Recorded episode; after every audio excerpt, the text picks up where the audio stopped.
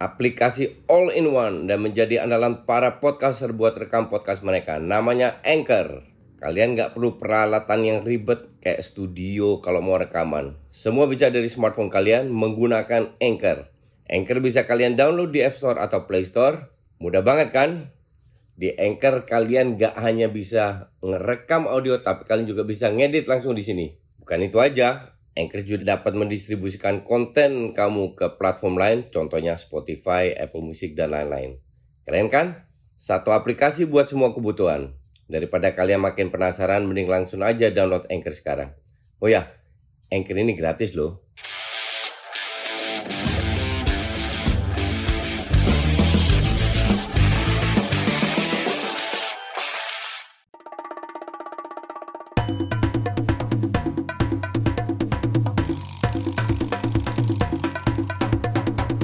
Kini Podcast Network. Hola, salam Just.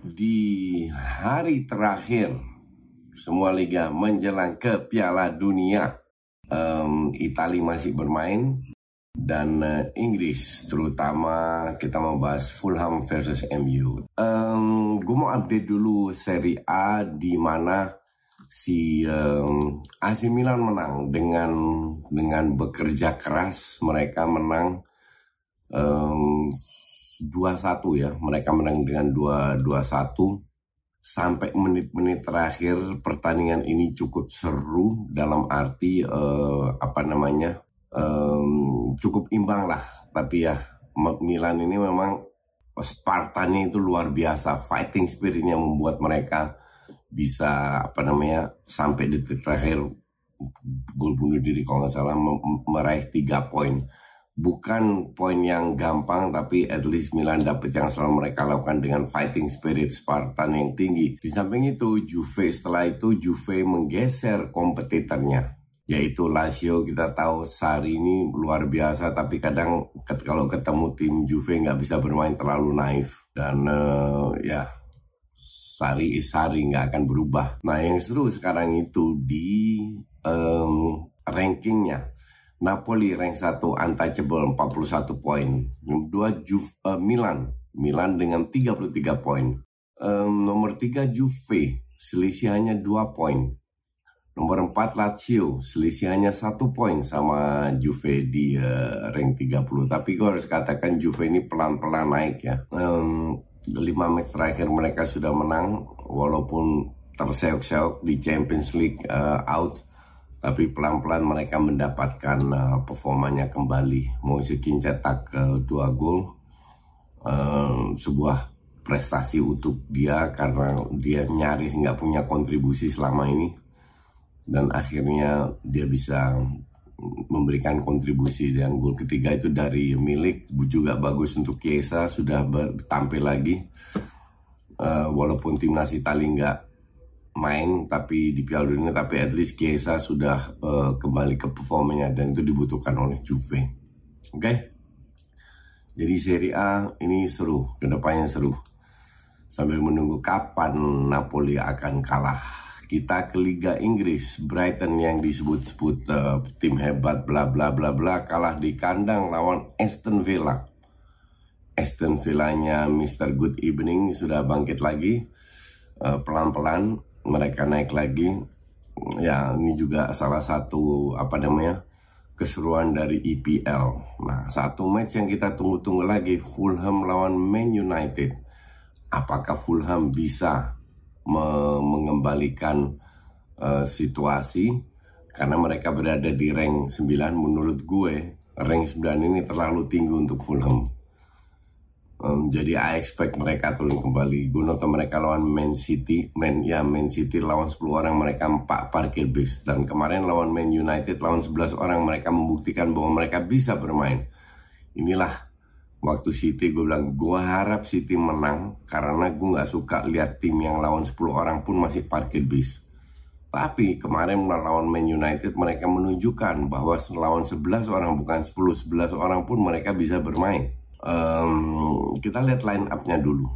Line up-nya MU itu agak aneh. Di back kanan malah siang main. Kenapa? Uh, karena Dalot suspended. Sementara AWB ini nggak nggak dipercaya lagi, jadi nggak dibawa. Di tengah Lindelof sama Martinez, di kiri Luke Shaw. Terus uh, pivot Casemiro sama Erikson. Um, strikernya Martial karena Ronaldo sakit. Bruno Fernandes di belakangnya, Elangga di kanan diberi kesempatan lagi sama Rashford di kiri. Tapi Elangga mainnya amburadul ya. Kalau lu lihat uh, line uh, benchnya MU itu cuma ada McTominay, Garnacho, Van de Beek, Fred, Iqbal, Maguire, Dubravka sama Nathan Bishop. Jadi um, benchnya pun tidak terlalu mengesankan, meyakinkan. Oke. Okay? Di babak pertama mulai, Fulham bermain sangat agresif. Pertama mereka ngepres dengan oh ya sorry line upnya Fulham. Nggak banyak berubah berbeda. Vinicius uh, mantan striker yang menurut gue salah satu striker terburuk yang ada di IPL itu ada itu di belakangnya mantan MU yang dibuang kiri kanan namanya Pereira. Kiri William kanan Wilson. Dua pivot Carney sama Palinya back kiri Robinson back kanan Reed center back Rim sama Diop. Kipernya Ben Leno. Oke. Okay? Believe it or not, salah satu pemain yang terbaik kemarin itu William di usia berapa dia? 48 nggak tahu dong. Tua banget lah. Intinya adalah uh, apa namanya? Dia masih masih ada sisa-sisanya. Di awal-awal Fulham awal 5-10 menit Fulham ngepresnya cuma dengan tiga orang. MU ya dengan gampang keluar lah. Tapi setengah jam pertama Malaysia itu dikantongi sama William. Asli dikantongi. Awal-awal sih masih enggak, tapi 5-10 menit masih oke okay lah. Tapi tambah lama sampai menit ke 35-40 gitu. Berkali-kali Malaysia kehilangan bola karena William.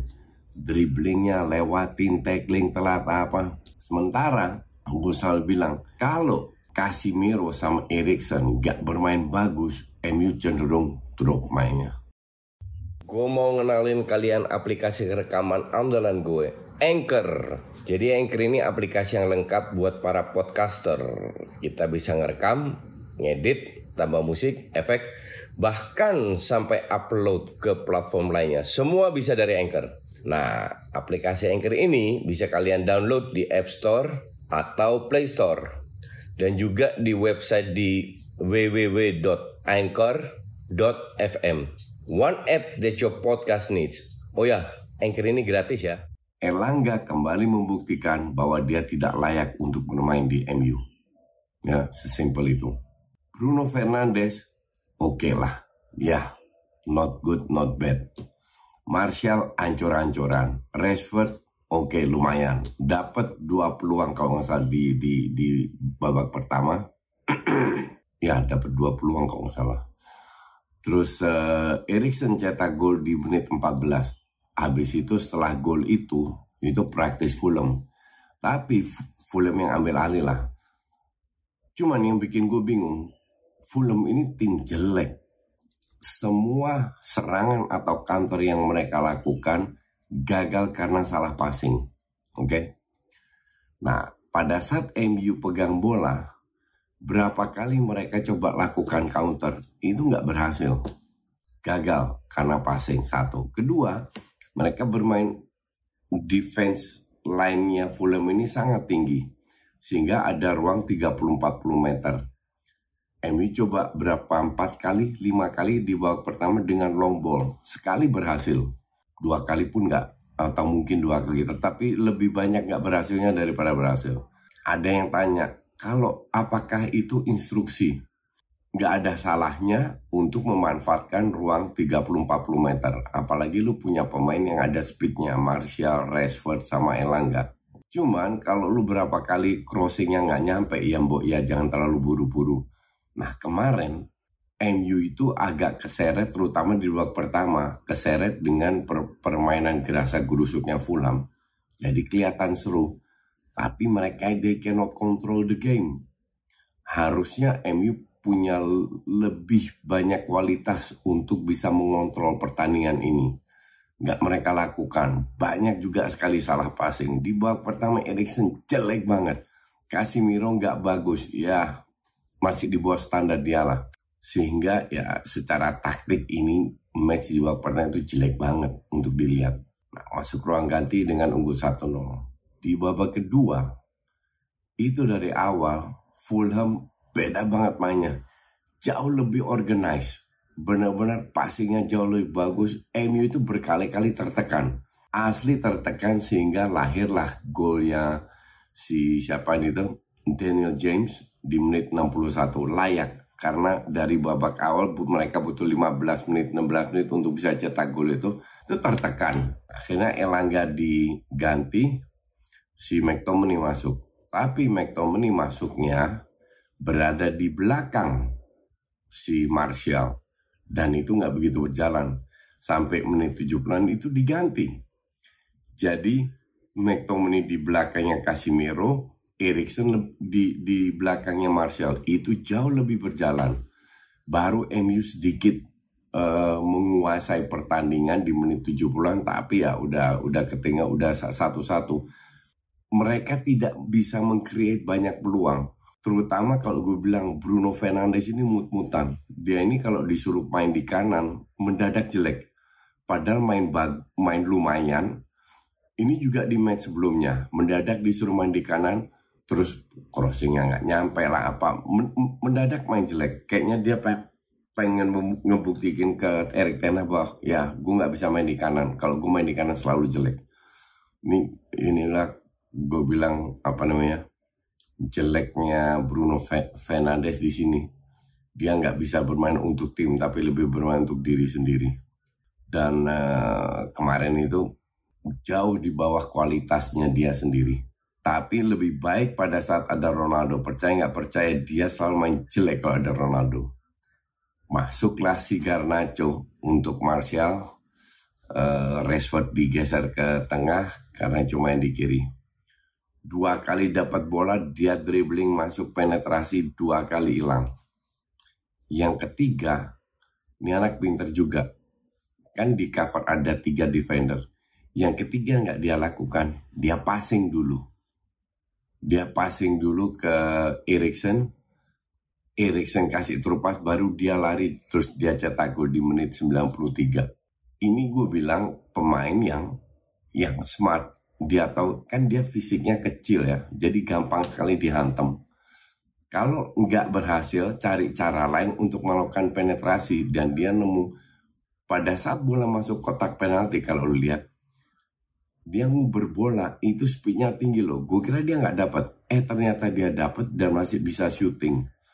Apakah MU layak menang? Sama sekali tidak. Kemarin itu layak seri karena MU tahu setelah 90 menit mainnya hancur. Sesimpel itu, mainnya hancur. Terlalu banyak salah passing, terlalu banyak hilang di second ball.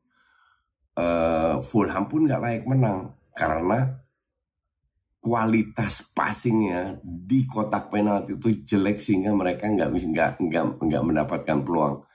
Mereka dapat berapa kali di save itu lebih ke bola-bola oportunis di save sama De Gea dan akhirnya De Gea kalau nggak salah man of the match ya kalau kalau kalau nggak salah. Nah itu kan kan gue udah berkali-kali bilang kalau De Gea man of the match kalian tahu sendiri berjalan pertandingan seperti apa ya kan dan uh, ya gue masih nggak habis pikir De Gea nggak diminta oleh nggak dipanggil sama uh, Spanyol tapi ya sudahlah. Itu hari Selasa nanti gue bahas uh, tentang preview. Um, ya untuk MU sih sebuah pertandingan yang yang cepat dilupakan tapi yang penting sekarang MU masih berada di rank 5 ketinggalan satu match lah dibanding rank 4 Spurs kalau itu menang poinnya sama. Jadi MU is on the right track tapi harus diakui bahwa 4-5 match terakhir mereka main jelek loh. Asli main jelek. Cuman kita lihat ke depan sekarang uh, fokus match terakhir di liga.